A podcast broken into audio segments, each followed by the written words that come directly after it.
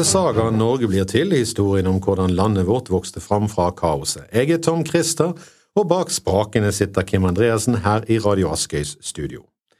Dette er episode 48, Kongetid, slaget ved Nesjar. Vi er nå sørvest for Helgeroa camping i Gamle Vestfold. Inne i bukten ligger Svein Jarl, Einar Tambarskjelvet, Tore Hund og Erling Skjalgsson og flere stormenn. Ute på Reden ligger Olav Haraldsson med sine opplendinger og sin fosterfar Sigurd Syrs menn. Dette skal ikke være siste gangen disse menneskene møtes, men dette er i hvert fall et skikkelig møte. Einar Tambarskjelvet er ukarakteristisk pessimistisk og sier merkelige ting til Svein Jarl. Svein har tallmessig overtak, 45 skip mot Olavs 20, men likevel er det et men. Kjernetroppene til Olav er folk som har vært med han lenge. De er mer krigsvante, og de er bedre utrustet enn bøndene til Svein. En ting som går igjen, er at alle de hundre på skipet til Olav, og da mest sannsynlig de nærmeste skipene, har ringbrynjer. Det er ikke så uvanlig, og jeg skal ikke spekulere for mye, men med tanke på hvor Olav har vært på sine reid, så vil jeg gjette på at han har fått tak i normanniske ringbrynjer. Disse dekker hele kroppen ned til knærne og over hodet. Med den kvaliteten norske sverd hadde på denne tiden, ville det bety at de var nærmest usårlige. Hm. Det er påske. Det er palmesøndag i det herrens år 1016. De to hærene, eller marinene, hva du vil kalle de, ligger og ser på hverandre nå. Olav gjør klar sine skip og sine menn. Alle hans beste menn får malt hvite kors på hjelmen. De blir bedt om å gjøre seg klar til å verne seg for alt som vil bli kastet og skutt på dem. Olavs taktikk, ja, den er å vente til pilregnet er over, og så gå på jarlens skip. Ved siden av jarlen ligger Einar Tambarskjelvet med sin skute. Slaget det begynner som forventet. Det hagler, piler, spyd, steiner og alt som kan kastes langt og gjøre vondt. Olavs menn krøker seg bak relinger og skjuler seg bak skjold.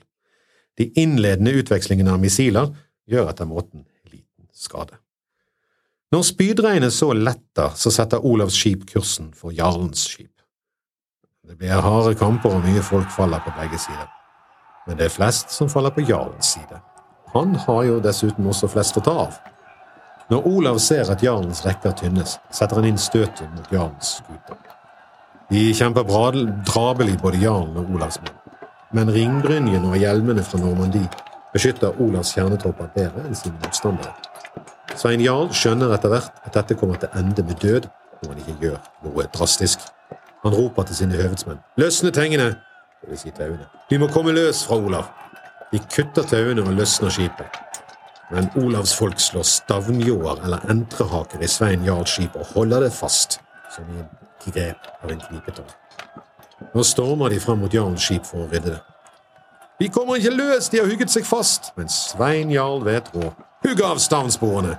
Som sagt så gjort, de hugger løs de øverste bordene på skuten som stavnjåene sitter i, og kommer seg løs. Når Einar Tambarskjelvet ser dette, hiver han et anker over til jarlen og drar skuten løs. Det er kanskje her den egentlige historien om den bristende buen stammer fra. Buen til Einar knekker, som vi husker. Hva var det, Einar, brast buen din? Ikke brast buen, eller hele Norge av hånden din. Mest sannsynlig var det faktisk slik, i alle fall mer sannsynlig enn 16 år før ved Svolda. Det er også mer logisk at det kommer her, og tillige kilder plasserer det her. Ved Svolda sto jo egentlig ikke slag om Norge i det hele tatt. Men buer eller ikke brister, nå kommer Svein og Einar seg unna kampen. De kommer seg forbi Olavs skip og ut i fjorden. Der kommer også etter hvert Erling Skjalgsson til, og flere. Det har falt mange menn på begge sider, og Svein spør sine menn om råd. Hva gjør vi nå? Erling er fortsatt kampklar. La oss dra nordover, samle mer folk, og så tar vi kampen igjen. Einar Tambarskjelvia er igjen defatistisk. Nei, nå har vi mistet mange menn. Og han, og de fleste med han, mener at nei, det nytter ikke å kjempe mot Olav. Svein bør dra til Olav skjøtkonung, han som egentlig var overkonge, og be om hjelp der. Og sånn blir det. Svein Jarl rømmer til Sverige, med han flykter hos Einar Tambarskjelvet og flere. De som fortsatt vil ta vare på odelen sin, reiser hjem.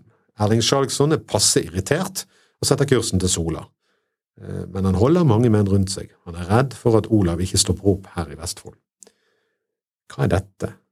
Einar Tambarskjelvet virker usedvanlig skuggeredd. Tror de kanskje at svenskekongen har større styrker? Jeg tror de er skremt av å ha sett våpen, at våpnene deres ikke beit på Olavs menn. En blanding av irritasjon og uro for de sterke brynjene, men også kanskje et snev av religiøs ærefrykt, en snikende mistanke om at Gud er på Olavs side, fordi våpnene ikke biter på han. Er det det som sender de på flukt? Det vet vi ikke. Olav, derimot, ser jarlen og folkene hans samle seg der ute på fjorden. Sigurd Syr, hans fosterfar, ber han sette etter de og bli kvitt de en gang for alle. Men det er ting som tyder på at heller ikke Olav og hæren har kommet helt skadefri fra det. Jeg tror rett og slett de er utslitt. De tunge brynjene beskytter, men de er tunge, og folkene har kjempet lenge, lenge denne dagen. Sigurd Syr han vil avgjøre saken her og nå. La oss ta de, få tak i Erling, Einar, Tore Hund, Aslak fra Finnøy, Ruth fra Vidjar og Torgeir Kvedre, og gi de valget å late livet eller avlegge ed for kongen. Nei, sier Olav, jeg kjenner i alle fall Erling Skjalgsson så godt at jeg vet at han vil ikke avlegge noe ed så sint som han er nå. Jeg vil først se om jarlen holder hæren sin samlet, eller, eller hva han gjør. Vel, du får råd, sier Sigurd, men jeg tror neppe det noen gang blir trygt for disse storbukkene, slik de er vant til å holde seg jevnbyrdig med høvdingene sine. Men jarlens hær splitter som sagt opp og seiler hver sitt. Noen har flyktet over land, og noen av de som flykter, får grid. Erling Skjalgsson seiler som sagt hjem til Sola og gjør seg klar for kamp, men den kampen skal han vente på seg. Olav er i bunn og grunn en viking, så nå er han mer opptatt av byttet enn av de flyktende stormennene. Det er en salig bommert, men nå samles byttet og deles mellom seierherrene. Spesielt Sigurd Syr får godt betalt, og det skulle bare mangle. Det er jo egentlig han som har sørget for at Olav kan få denne seieren. Uten han, ingen kong Olav. Med jarlen på flukt forsøker Olav å finne ut hvor han har dratt. Når han skjønner at han har dratt utenlands, drar Olav rundt i den delen av Viken som skulle tilhøre jarlen og danskekongen, og blir tatt til konge på tingene her. Ikke det at tingene hadde noe valg, men, men så skjer. Det gjør han helt fram til Lindesnes. Etter Lindesnes kommer Erling Skjalgssons område. Skal det nå komme til kamp? Nei. Ikke ennå. Olav seiler bare rett forbi. Han seiler faktisk forbi alt fra Lindesnes, forbi Haugalandet, forbi Vestlandet, forbi Sogn, for Fjordane og Firda-fylket. Han stopper ikke før han kommer inn Trondheimsfjorden. Der legger han seg til i Nidaros og bygger opp igjen de brente gårdene. Han holder hæren rundt seg, for han er like urolig som Erling Skjalgsson, eh, men for trønderne, ikke for Olav sjøl. Han føler det er her et opprør kan komme, og han må holde de i ro, med sin styrke. Trønderne de viser ikke noe stor motstand, men de er ikke helt medgjørlige heller. Med lederne i utlegg er det ingen til å samle de. Tingene tar Olav til konge, i hvert fall de ytre delene av Trøndelag, om enn motvillig. Inntrønderne samarbeider overhodet ikke, og nekter å betale skatter, og tar han heller ikke til konge. Olav har ikke styrke, eller tør ikke, å tvinge de. La oss stoppe et lite øyeblikk. Hva er det egentlig som gjør at Olav har et krav til tronen? Nå blir det litt grann slektstre her. Sagaen er faktisk litt uenig om, om slektskapet, men er enig om at han har slektskap nok til å kreve tronen. På denne tiden så er det en fordel å kunne vise et slektskap til Harald Hårfagre for å ha et grunnlag for å kreve kronen på odel, så å si. Olavs far er Harald Grenske. Harald Grenskes far er en som heter Gurød Bjørnson. Bjørn, altså faren til Gurød, faren til Olavs farfar, er den Bjørn Farmann som ble drept av sin bror Eirik Blodøks, og er altså Harald Hårfagres sønn.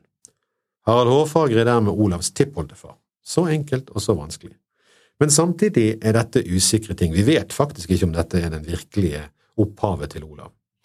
Så når Olav kopierer sin tippoldefar og går ned i Trøndelag, så er det nok ganske veloverveid. Han forsøker å bevise sitt krav gjennom å kopiere Harald Hårfagre. Olavs slag ved Nesja kan også ses på som Hafrsfjordslaget 2-0. Alle småkongene mot den ene, og taperen flykter utenlands. Oppe i Trøndelag er det fortsatt urolig, men rundt Nidaros begynner Olav å få nok kontroll til å dele ut land og gårder til sine favoritter. Olav er i bunn og grunn som sagt viking og handelsmann, som bygger kongsgård der og inviterer inn handelsmenn. Olav har hele tiden et øye for statens, det vil si kongens, det vil si hans egne, finanser. Vi må ha en kirke her i byen, sier folk. Olav reiser Klemenskirken igjen i Nidaros. Den var brent under angrepet på byen. Den skal bli stående til 1344 når den brenner ned for godt, og kirkens fundamenter finner du i Krambugaten 2 i Trondheim i dag. Svein Jarl hadde flyktet til svenskekongen, og han ble godt tatt imot der. Svenskekongen tilbød han å velge om han ville ta land i Sverige, eller om han ville få menn slik at han kunne ta hevn på Olav. Jarlen valgte det siste, men først måtte han bare dra i viking i østerledd, og det var ikke så ulogisk som det høres ut. Jarlen var nå avskåret fra all sin formue og inntekt. Han var en fattiglus. Han trengte gods og gull for å kunne betale sin hær og kjøpe våpen og skip. Svein Jarl drar i østerledig Viking til Gararike og røver.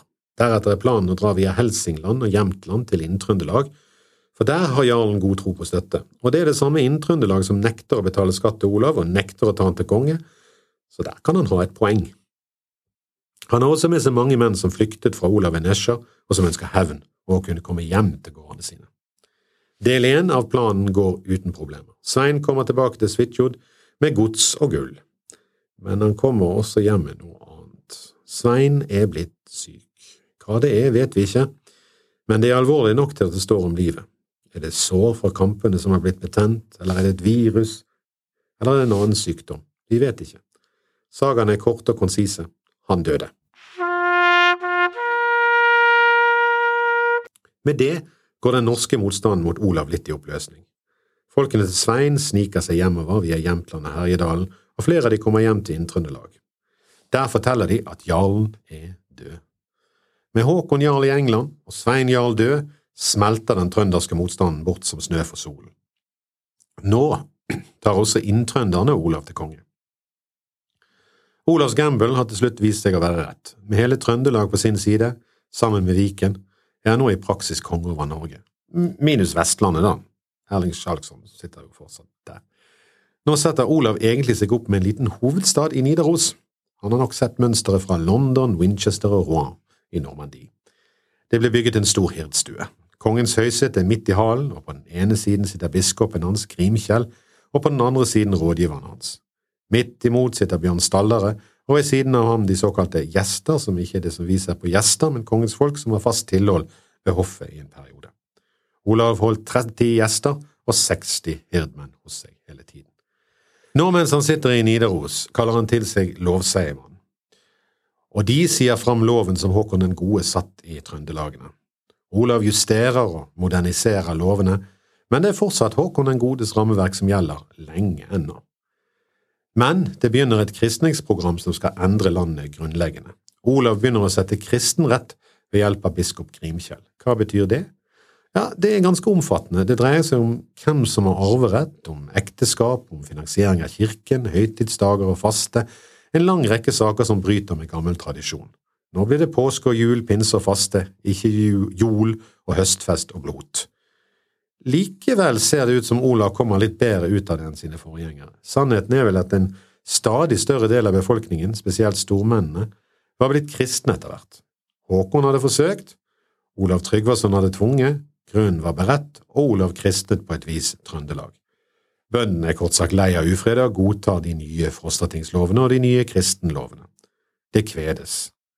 Du som i løfting sitter, landsrett kan sette, som mellom alle menn ved makt skal stande. Men hva med Sveakongen og danskekongen, vil de bare sitte og se på? Nja, danskekongen er godt opptatt med England, og Wales, og Skottland, og Northumbria, og ja, i det hele tatt.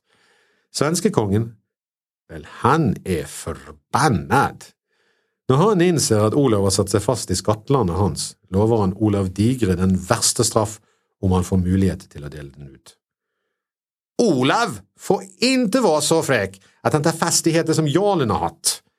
Sveakongen sammenkaller ting og vedtar ufred mellom landene. Alle norrbaggar som kommer hit, skal dødes. Ingen svensker skal fara til Norge lenger. Jeg vil ikke høre namnet til denne digra mannen og de som kaller honom noe annet enn den digra mannen skal henges! Oi sann! Her er det sinne. Blir det krig mellom Sverige og Norge? Mellom Olav og Olof? Engelske, eh, engelske historikere vil få store problemer med å skille de to fra hverandre. Dette lyder ikke bra. Hva skjer nå? Vel, Svein Jarls mange menn er på vei hjem og lurer seg inn gjennom skogene, blant de også Einar Tambarskjelvet. Hva kan de finne på? Ikke godt å si, men en kveld banker det på døren hos Olav i Nidaros. Det dundrer i døren så Gildehallen gjaller av lyd. Hvem er det som banker på? Nei, så det får du vite i neste episode av Saga Norge blir til, men før vi forlater episode 48, skal vi ta nok et vers fra Håvamål. Og det handler fortsatt litt om hvordan du skal oppføre deg hvis du er på gjesting et sted. Av sin egen klokskap skyter ingen, men ved Håver i hug, når du gløgg og tagal i garden sviv, du kjem ikke brått i beit. Litt uh, vanskelig ordlegging her, men det som egentlig sies, er dette lett oversett. Av sin egen intelligens bør ingen skryte, men vær heller litt blyg, det vil si Håvard i hug. Når du smart og stillferdig går rundt, så blir du ikke stilt til veggs, eller kommer ikke i fare. Med andre ord, ikke stikk hodet for langt fram, folk liker ikke smart asses. Jantelov på norrønt, rett og slett. Det var det for denne gang, du har hørt episode 48, Kongetid, Slaget ved Nesjar. Mitt navn er Tom Christer, og bak spakene har Kim Andreassen styrt lyden. Takk for nå.